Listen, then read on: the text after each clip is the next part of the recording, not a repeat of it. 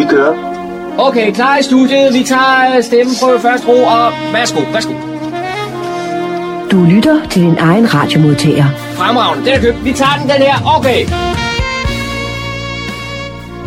Goddag og rigtig hjertelig velkommen her til programmet, der hedder Morgenkrøderen.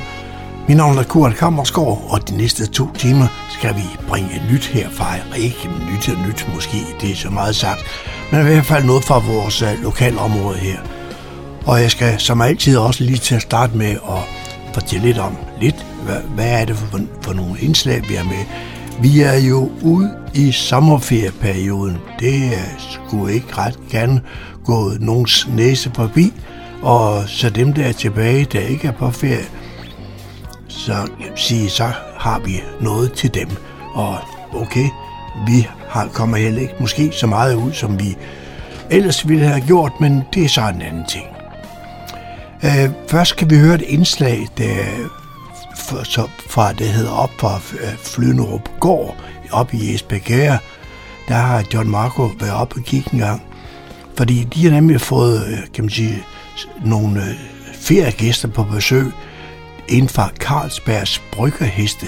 Det kom på, på sommerophold derude, og det skal vi høre mere om, for vi skal tale også om noget af blandt andet en af kus, kuskerne, der er med der fra Carlsberg, og, og lidt omkring øh, brug af heste, pløjestævner og kørestævner og så videre og så videre. Men øh, det ligger vi ud med sådan en rigtig sommerferiebesøg i, øh, ud i samfundet, som man siger. John har også været en tur nede i Rosenhaven. Det er et uh, værtshus nede i Hillerød, der er noget, der hedder Jazz i Rosnaven her øh, hver lørdag her i sommerferieperioden. Forskellige orkester er dernede for at optræde dernede. Og øh, her sidste gang, der var det at Lars Dalsgaards New Orleans 5, der var på scenen dernede. Og der var, det var John nede og smage på deres øl dernede og få en snak med dem, blandt andet noget med Stig Deichmann, der er med til at arrangere jazz i Rosenhaven, og orkesterlederen øh, Lars Dalsgaard fik han også en snak med. Og hvad måske den lille færge, som er sponsor, øh, kan man sige, for den orkester her, skal vi også høre lidt mere om.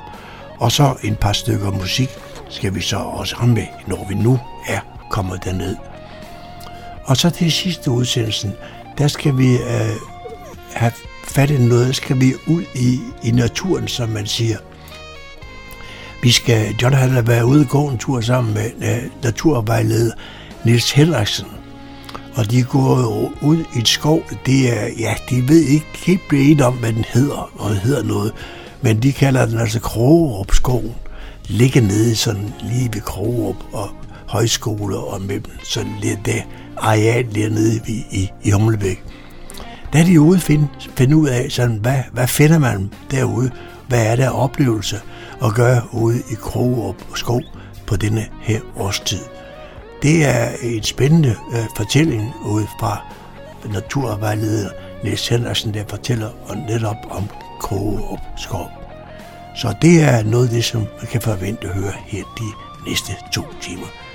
Jeg har kun tilbage at sige rigtig hjertelig velkommen og god fornøjelse de næste to timer.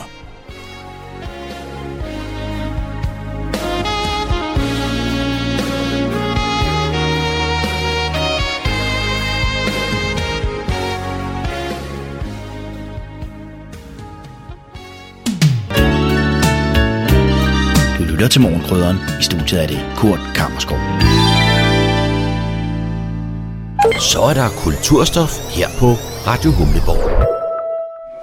Jeg er taget til Flønderup Gård i Esbjerg, og her der træffer jeg Michael. Michael, hvad er det, der foregår i, i, her i sommerferien? Jamen altså, lige nu har vi besøg af Carlsbergkustene, kan man sige. Vi har været så heldige, at vi har fået øh, lov til at have, have Carlsberg heste på, øh, på sommerfold herude. Øhm, og de går her hele sommeren, og øh, inden de skal tilbage på arbejde igen på Carlsberg. Og hvem, hvem passer den så til daglig?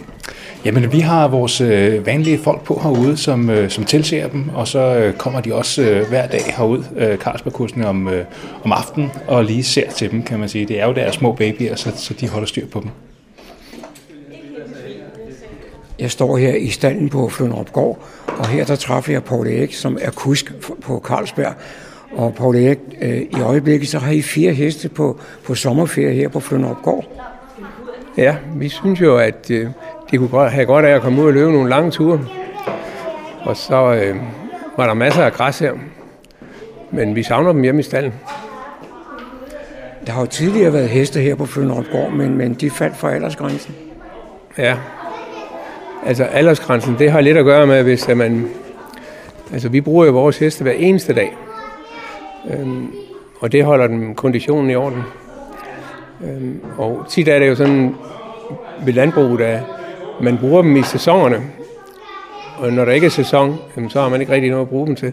Og så står de sådan og bliver halvfede, eller hvad man nu skal kalde det. Så, øh, men, men jeg har aldrig set de heste, der var her. Men jeg har ikke indtryk af, at man brugte dem så meget. Men den race, I, I bruger på Carlsberg, hvad er det? Det er jyske heste. Ja. Og så har du lige lavet en, en fantastisk demonstration og en god forklaring til de publikum, der er mødt frem her. Og øh, blandt andet så lavede du seltøj på. Ja, altså, øh, jeg har faktisk ikke regnet med, at der kom så mange mennesker. Men interessen har været enorm. Øh, og det er jo en fornøjelse, når der er nogen, der kommer og stiller spørgsmål, og man så også kan svare på dem. Øh, og så vil jeg jo bare håbe, at næste gang de stiller spørgsmål, at jeg så svarer det samme. Historien blev ikke ringere, jeg blev genfortalt. Og så inden jeg tændte for apparatet her, der forstod jeg på, at du selv har heste. Hvor længe har du øh, interesseret dig for, for heste? Jamen, jeg tror, den første hest, den købte jeg, inden jeg blev konfirmeret. Og jeg har aldrig brugt mig om at ride, men jeg har altid godt kunne lide at køre. Så, så det er jo lige et job for mig, det her. Du har aldrig brugt hestene i, i landbruget? Jo, jo, jo. Men det er jo kun for sjov. Altså, man kunne godt bruge dem til at rage rense jordbær og tage kartofler op og sådan noget, men, men det er jo nemmere med en traktor. Men, øh, men det kan sagtens lade sig gøre. Men hvis man bruger hestene i landbruget, så skal de altså også øh, bruges jævnligt. Det kan ikke hjælpe, at de traver op igennem jordbærrækkerne. Eller, det skal passe sammen. Men der findes nogle pløjestævner. Forskellige her på Sjælland, og der findes øh, også i det øvrige land. Og øh, der kommer jeg altid og kigger. Jeg har aldrig prøvet det selv, men øh, de er meget, meget nøjagtige, de pløjer der. De går så meget op i det, så, så jeg, i Hornbæk, der hjælper jeg med at, at måle, og der går vi meget op i, om nu fugen den er 17 cm eller 16 cm. Øh, det skal passe sammen det hele. Ja, og der er nogen, der er så gode til det. Så deroppe i mange år, der var det nummer et og nummer to. De, de delte sådan hver andet år, så var den ene nummer et og den anden år nummer to. Der var ikke nogen, der kunne slå dem. Men nu har Danmark haft øh, nordisk mester flere år i træk. Så han, har, han, han stiller ikke op mere, fordi øh, han har gjort det så godt. Som, som jeg startede med at sige, så arbejder du for Carlsberg og passer heste der og er kust der. Og så har du også hesten som hobby, kan jeg forstå, når du har lidt derhjemme. Hvor meget tid bruger du på heste? Jamen, jeg bruger jo øh, det samme som dem, der spiller badminton, eller, eller kører cykelløb. Eller. Jeg gør jo ikke nogen af de dele her, så jeg bruger det jo på, på hest. Men jeg bruger ikke min egen så meget mere, efter jeg kom til Karlsbad, fordi øh, jeg kører jo derinde hver eneste dag og, og nyder det. Ja. Men jeg nyder at komme til kørestævner. Det er ikke alle mennesker, der ved, der er noget, der hedder kørestævner. Og i sidste weekend var jeg med nogle venner i Lykum Kloster. Øhm, og der var 14 vogne dernede. Og øhm, så er jeg med som medhjælper. Vi er altid to eller tre på sådan en vogn, og så får vi point, når vi kører rundt. Øhm, og øhm, det er faktisk ret spændende. Så har vi nogle opgaver, og så har vi en tur på 13 km, der skal køres inden for et bestemt tidspunkt. Og nu i næste uge, der er det på Brat Holborg, der er kørestævne. Og så slutter man af med et øh, Danmarksmesterskab i sidste september, nede på Revebjerg. Og det er også noget, man går meget op i. Og der går man meget op i, at tøjet passer til vognen. Og øh, seltøjet er i orden. Og selv, altså hvis, hvis der er en kusk og en medhjælper, jamen så har de det samme slips på. For ellers så trækker det ned. Det var John Marco, der havde produceret dette indslag. Vær med på Radio Humleborg, Fredensborg Lokalradio på 104,3 MHz.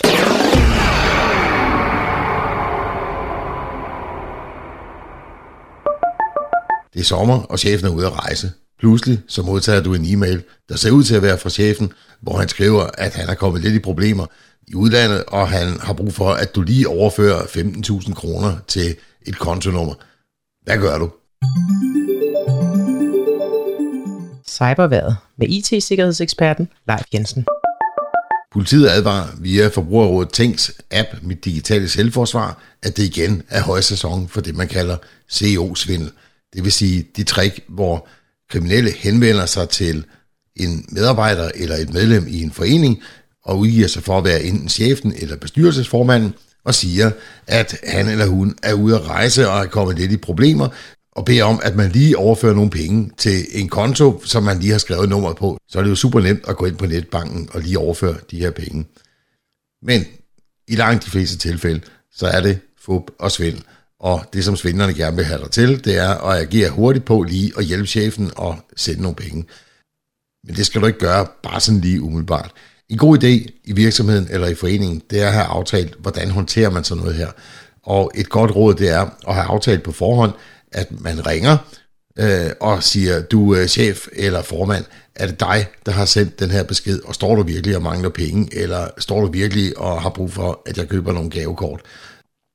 Den kommunikation skal helst foregå via telefonen, og ikke via mail, fordi så kunne man jo være fristet til lige at svare tilbage ved at trykke reply på den mail og sige, øh, er det rigtigt chef, skal jeg overføre de her penge? Og det som de kriminelle er ude efter, det er netop, at du skal handle hurtigt på det her, og ikke tænke dig for meget om. Så sørg for at have nogle gode aftaler på plads, inden en af jer tager på ferie. Tjenesten Tjek det oplyser via Forbrugerrådet Tænks, mit digitale selvforsvar, at danskere for tiden bombarderes med falske reklamer for fedmepiller. Tusindvis af opslag på Facebook anbefaler brugere en slankepille ved navn Prima. I enslydende opslag skriver de, at de har tabt 19 pund på blot 22 dage. Men det hele er et stort fåbnummer. Brugerne er efter alt dømme blevet hacket, og pillen, der reklameres for, lader ikke til at have nogen som helst effekt på vægten. Billederne i opslagene, der skal vise pillens effekt, er desuden anvendt uden de afbildede personers samtykke, og deres vægttab har intet med slankepillen prima at gøre. Så hvis du ser sådan et opslag, så skal du bare ignorere det. Du skal ikke klikke på noget. Hvis du keder dig lidt her i sommeren, så har jeg en opfordring til dig. Gå ind på hjemmesiden hackerstop.dk. Herinde der kan du teste din egen viden om cybersikkerhed. Det er ganske gratis. Det tager ikke ret lang tid, og du bliver ført igennem en række spørgsmål, hvor du bagefter får en score på, hvad er din hackerstop-score. Værktøjet er egentlig udviklet til at blive brugt ude i de små virksomheder, men det kan sagtens bruges af privatpersoner. Og får man smag for det, jamen så kan man jo opfordre til, at man på sin arbejdsplads sætter sådan en hackerstop undersøgelse i gang hos sine medarbejdere, for at få et billede af, hvor langt er vi egentlig med sikkerhed ude i virksomheden. Og man kan også gøre det i foreningen. Og selvom man gør det i virksomheden eller foreningen, så er det stadigvæk ganske gratis. For et par måneder siden, der blev jeg ambassadør for Hackerstop. Det er jeg faktisk rigtig stolt af, fordi det er et virkelig godt værktøj, og særligt til de små virksomheder, som ofte bliver overset. Det var cyberværet for denne gang. Nu går jeg på en velfortjent sommerferie og er tilbage med en ny udgave af cyberværet den 15. august. Så der er egentlig kun tilbage og ønske dig en rigtig god og sikker sommer.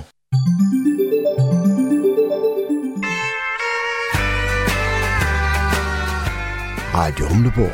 Nordsjællands mest voksne lokalradio. Så tager vi pulsen på en lokal musikalsk oplevelse.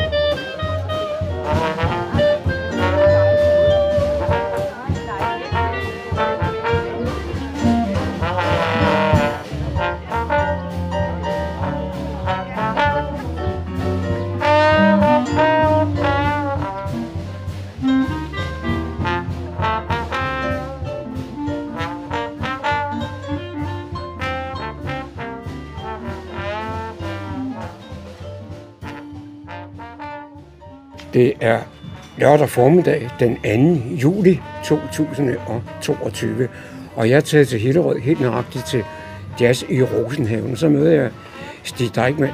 Stig, øh, det orkester, der skal spille her i dag, synes jeg ikke, jeg kender ret meget til. Nej, vi har heller ikke hørt den før. Øh, men altså det, der skete, det var at sidste år, der havde vi Doc Havlin. Han havde så Lars Dalsgaard med som solist, og ham havde vi heller ikke hørt før, men vi blev så betaget af ham. Så vi sagde til Lars Dalsgaard, om han havde et orkester. Han sagde, jeg har en 4-5 stykker, men ikke nogen, I kan bruge, for hernede skal være traditionel musik. Men jeg laver et til jer, og det er det, han kommer med i dag. Og det er en slags premiere? Det er en premiere, ja.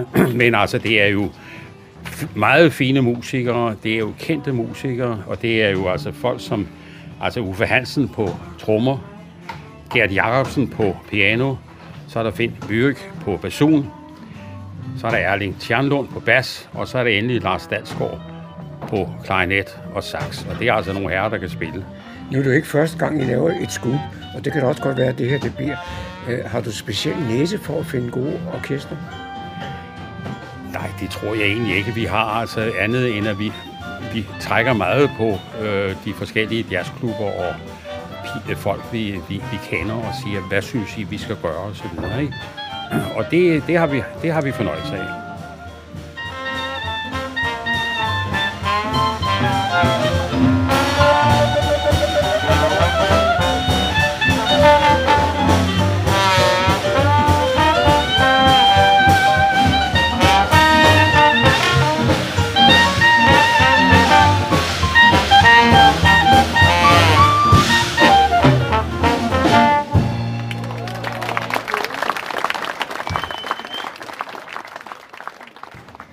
Så står jeg sammen med kapelmester Lars øh, Dalsgaard. Og Lars, øh, så vidt jeg har forstået på det stil, lige har fortalt mig, så, øh, så er det en slags premiere på dit band i dag. Det er det, ja. Det er en lidt ny konstruktion. Vi har dog spillet sammen, de fleste af de musikere, som er i orkestret. Men lige netop den her konstellation, den er forholdsvis ny. Så vi har været i Nykøbing Falster i går, og så glæder vi os rigtig meget til at spille her i Rosenhaven. Og det repertoire, I spiller, hvor, hvor, hvor har I det fra? Det har vi fra et par New Orleans kleinetister, som var meget ypperlige på deres instrument. Jimmy Noon og Omar Simeon hed de. Der er måske ikke så mange, der kender dem i dag, men de var meget, meget berømte engang og spillede rigtig godt. Og blandt andet øh, Jimmy Noon var en inspirator for Benny Goodman senere hen. Men øh, begge de to kreoler klarinetister, som man kaldte dem, de døde i en forholdsvis ung alder, henholdsvis 49 år og 57 år. Men dem kan man godt dykke ned og lytte til, fordi de har spillet mange vidunderlige melodier, og det er nogle af disse melodier, som vi vil præsentere for publikum i dag. Og nu er du en voksen mand, kan jeg se. Hvor længe har du egentlig øh, selv spillet? Ja, det har jeg vel i... Øh en 44 år eller sådan noget, vil jeg tro. Det er der omkring. Ja, nej, det er snarere 50, tror jeg. Når jeg sådan tænker efter, for jeg startede jo som teenager.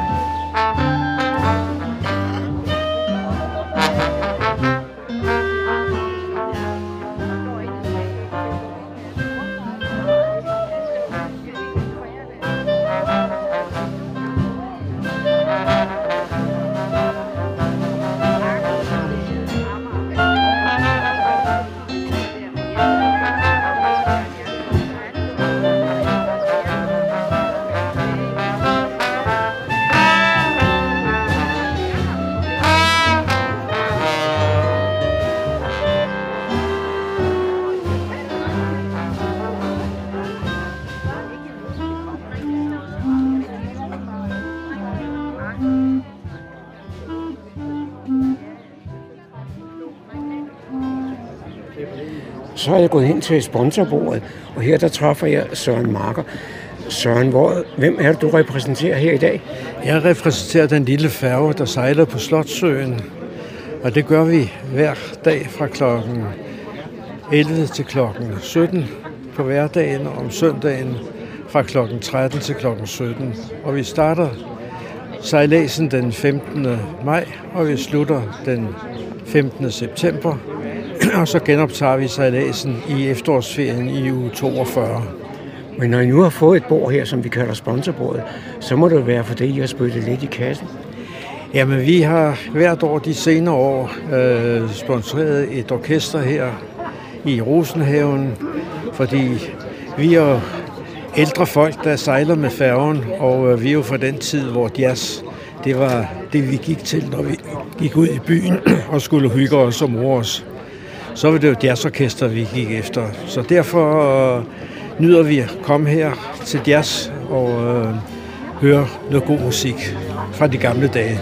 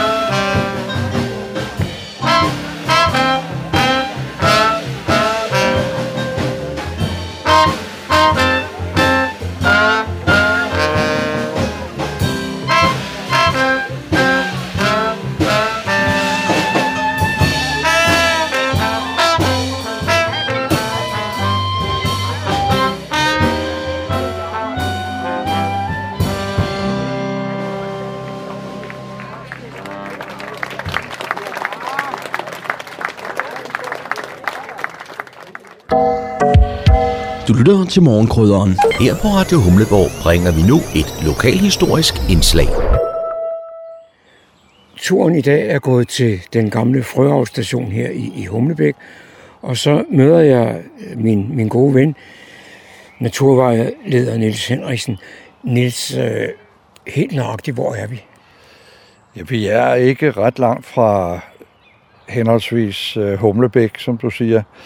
Der er ikke ret langt over til museet, der ligger derovre, Louisiana.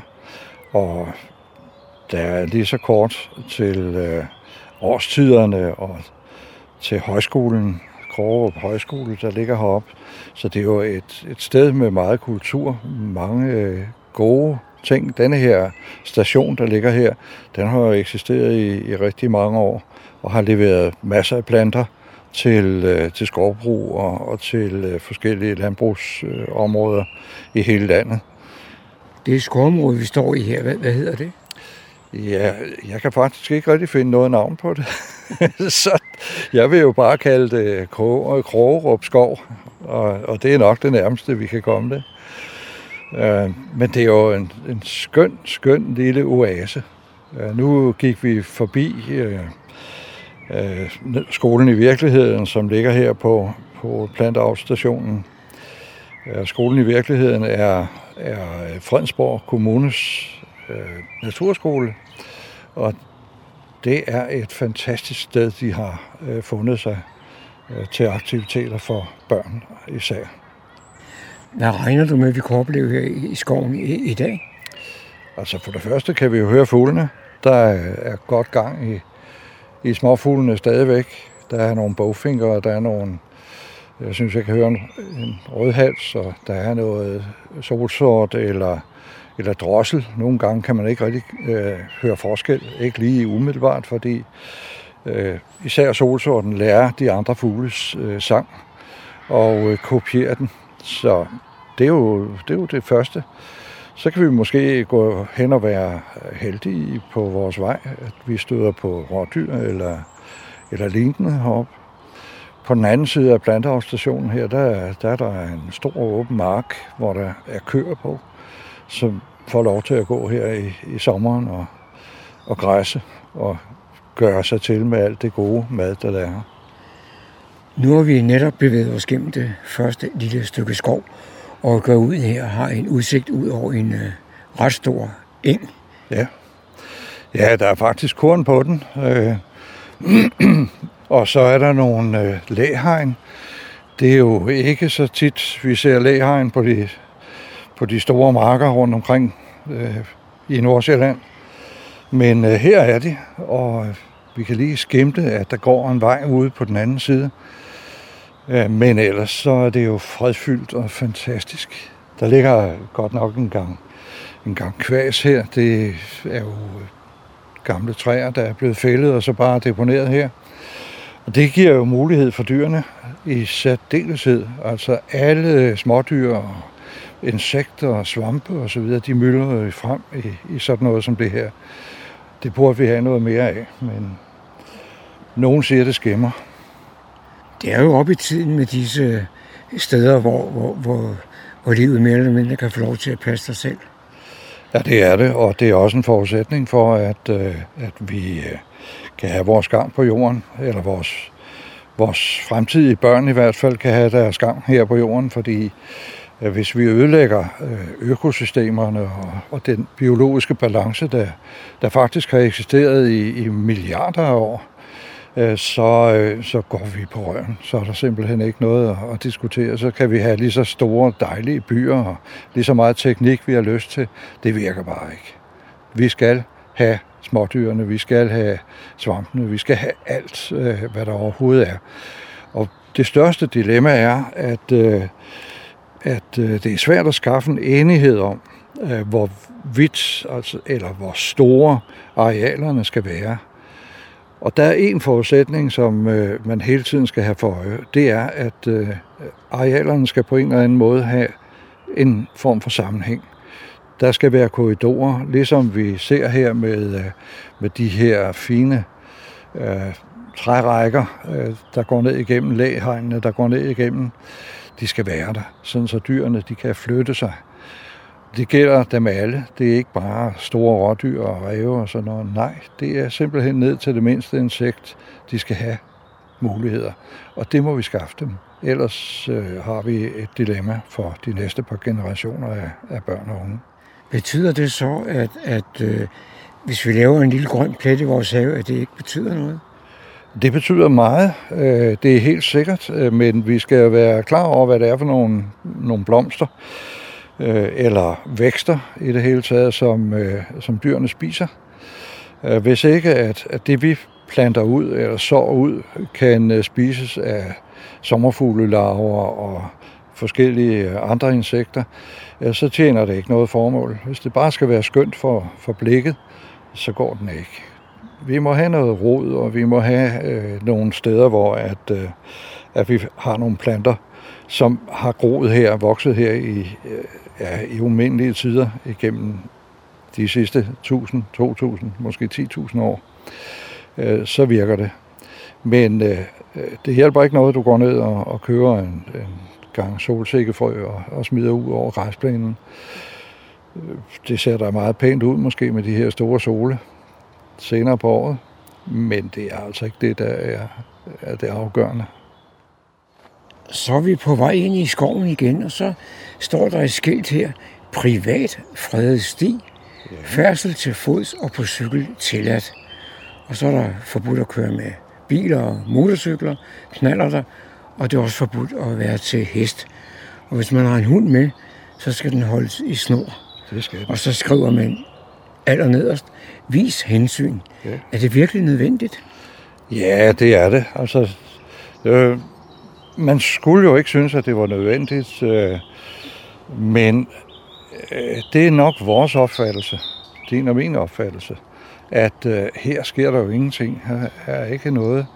Men mange mennesker øh, lever jo i dag i, i, øh, i boliger øh, dybt inde i byerne, og øh, de har vildt sagt ikke meget øh, fornemmelse for, hvad de kan og må, når de kommer ud i, i skoven.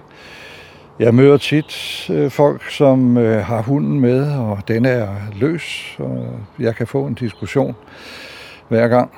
øh, fordi den gør jo selvfølgelig ikke noget. Altså, den kan da ikke finde på at løbe efter et rådyr, eller, eller noget andet, der er her, øh, eller bide et menneske for den sags skyld. Nej, nej, nej, sådan noget gør de ikke. Og det, det her er sådan en, en, øh,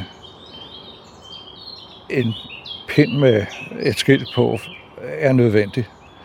Det kan vi ikke komme udenom. Der er alt for få, der ved, hvad der foregår i naturen, og hvordan man skal forholde sig. Så har vi gjort holdt igen, Niels, og hvad er det, vi ser her?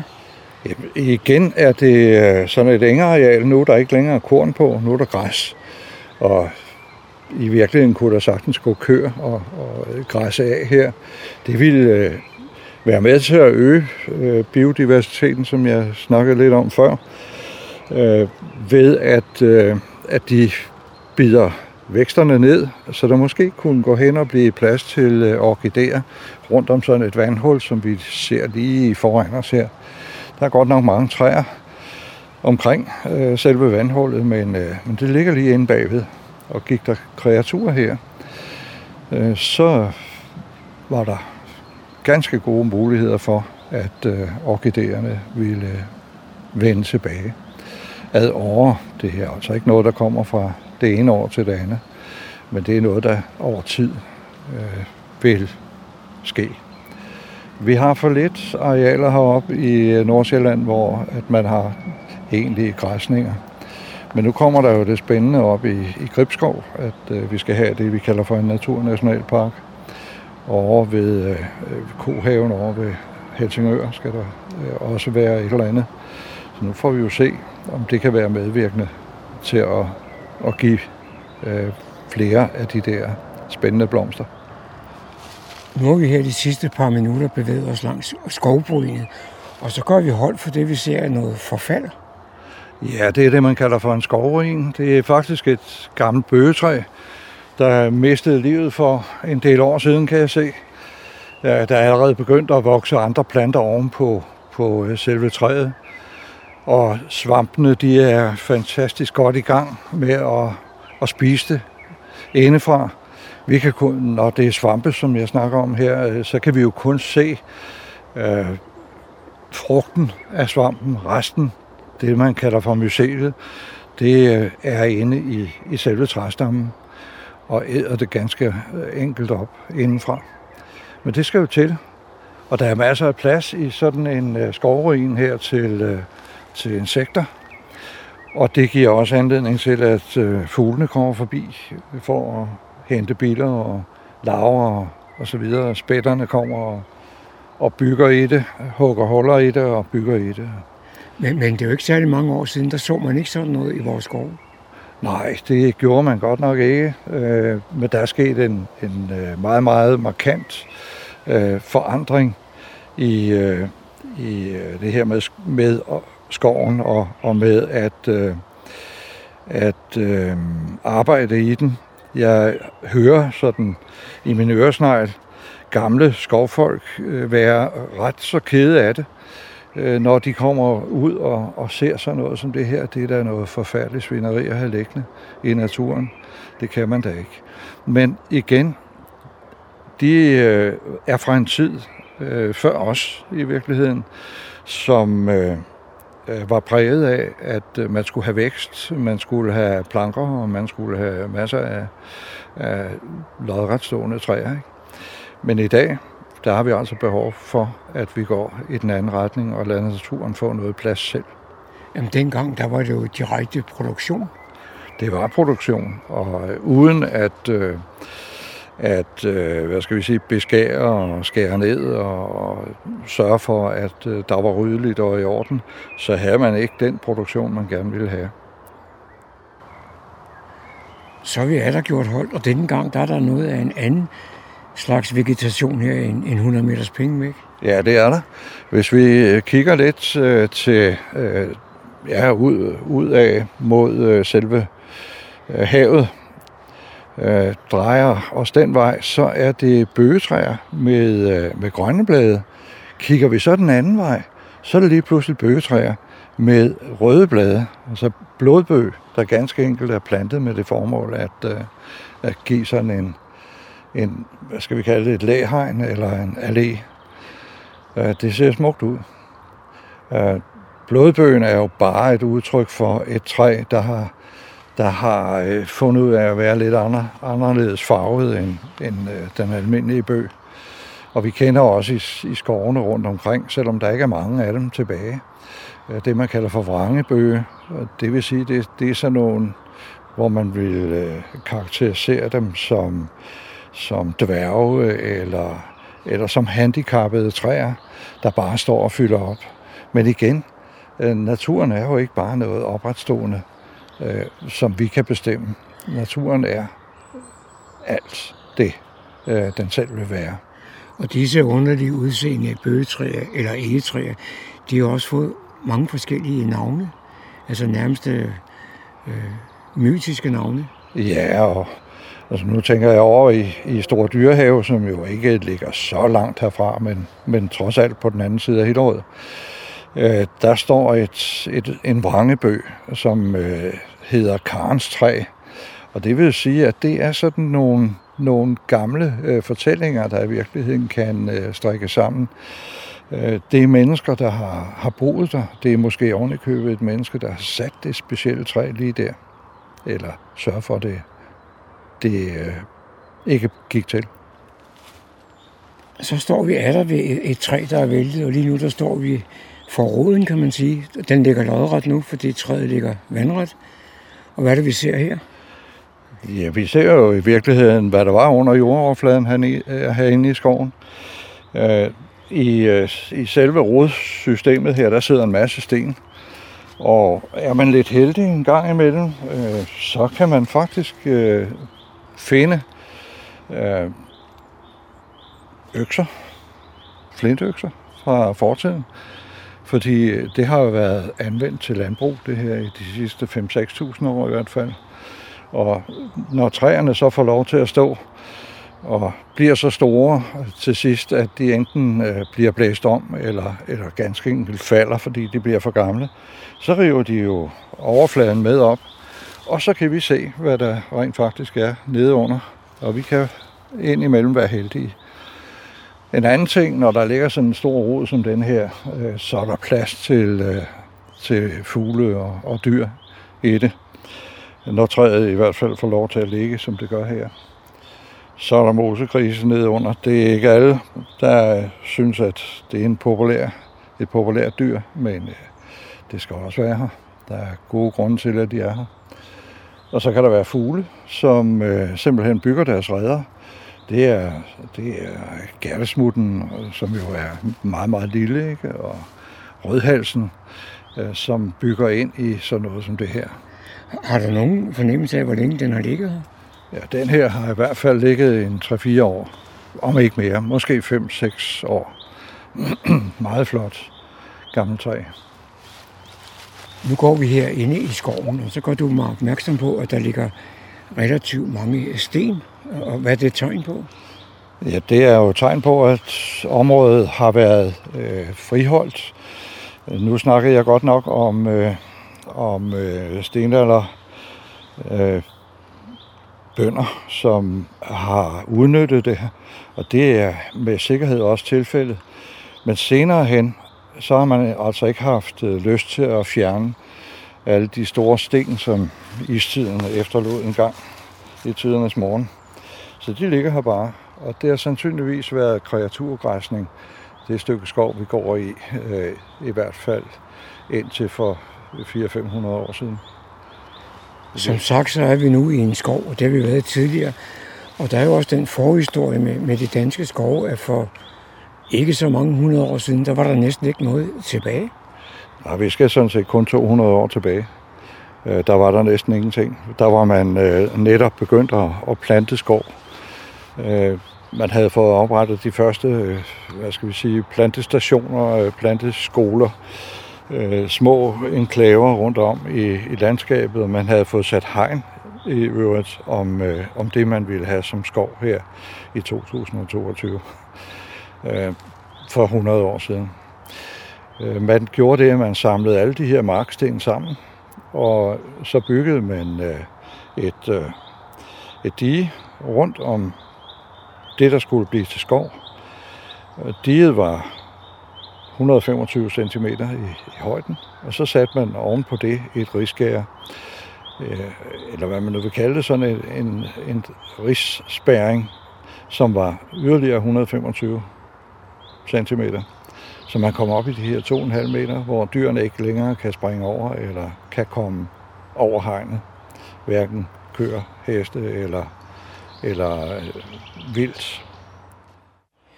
Nu er det jo sommer, og øh, hvis man bevæger sig ud her i, i øh, juli måned, hvad er det, som man mest skal være opmærksom på? For det meste af fuglesangen er jo ved at være overstået.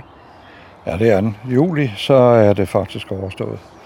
Og yngleperioden generelt er, er overstået, og alle fugle er stort set hoppet af redderne rundt om. Øhm, så ja, hvad kan man sige? Øh, altså, hjortevildet er der jo selvfølgelig, og der bliver øh, skiftet en, he, en hel del ud. Øh, kronvildet løber meget ofte rundt i skovene heroppe, og nogle gange er det jo simpelthen forårsaget af, at de ikke har, har fået fred og ro, der hvor de plejer at være.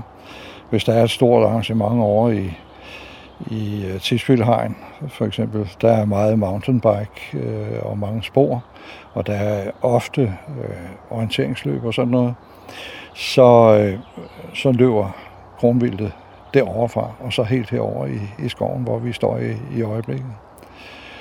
Øh, så man skal jo passe på de der store dyr, når man kører rundt i, i det ganske landskab. Det er jo ferie, selvfølgelig, når vi når juli, men øh, alligevel mange bilister over ser, øh, hvad der egentlig sker derude, og ikke øh, opmærksomme nok. De helt unge dyr øh, skal jo helst ikke køres ned, og det gælder dem alle sammen. Det er lige fra rævevalpene, som render rundt nu, og så, øh, og så hjortevildet, der kommer i løbet af juni, juli, august. Det skovområde, som vi bevæger os i i dag, jeg synes, det er meget øh, blandede arter, der er her. Det er meget varieret, det er det. Der er bøger, der er, er e, og, og ja, you name it nærmest. Og så står vi lige over for nogle øh, store flagstænger, hvis man kan kalde det sådan. Det er tuja, som blev plantet efter 2. verdenskrig, i håb om, at øh, man kunne, man kunne få øh, gode flagstænger ud af det. De øh, har en fin evne øh, til at modstå vinden. Hvis de bliver presset meget af vinden, så står de bare og bøjer.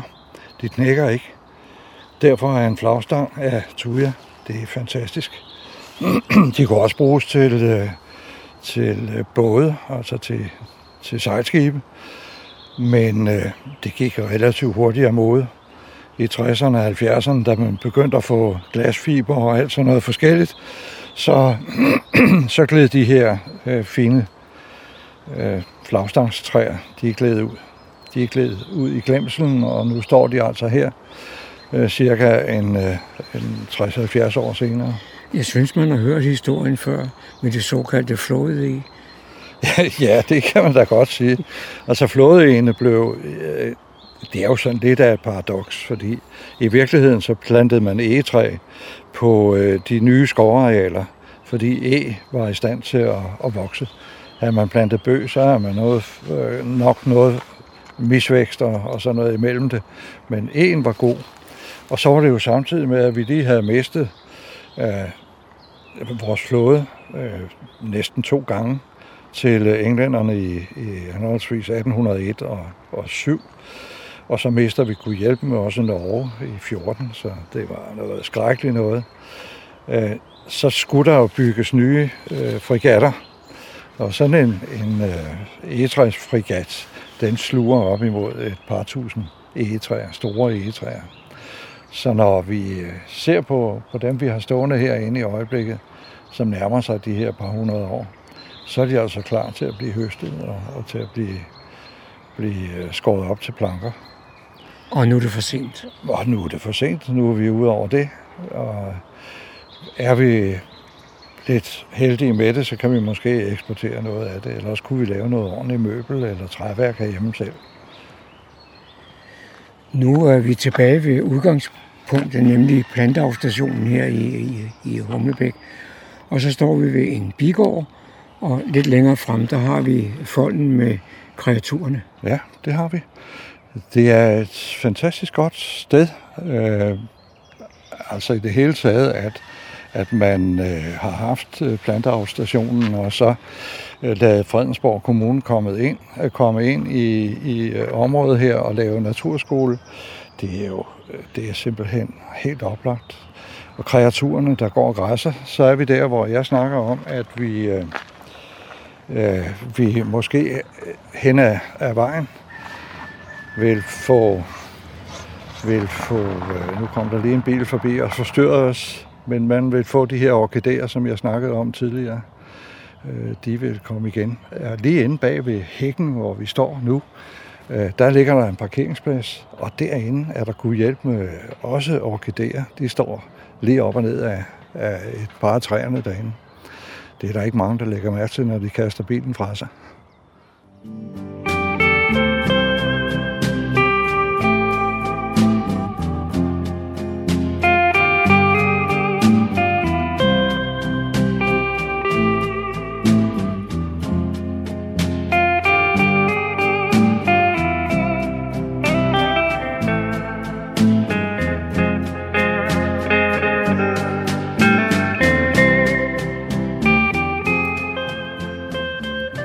Disse toner fortæller os, at vi er nået til afslutningen på denne uges udgave af programmet, der hedder Morgenkrøden. Her fra redaktionen, som består af undertegnet, jeg hedder Kurt Kammersgaard. Ja, der siger jeg tak for nu, og på genhør en anden god gang.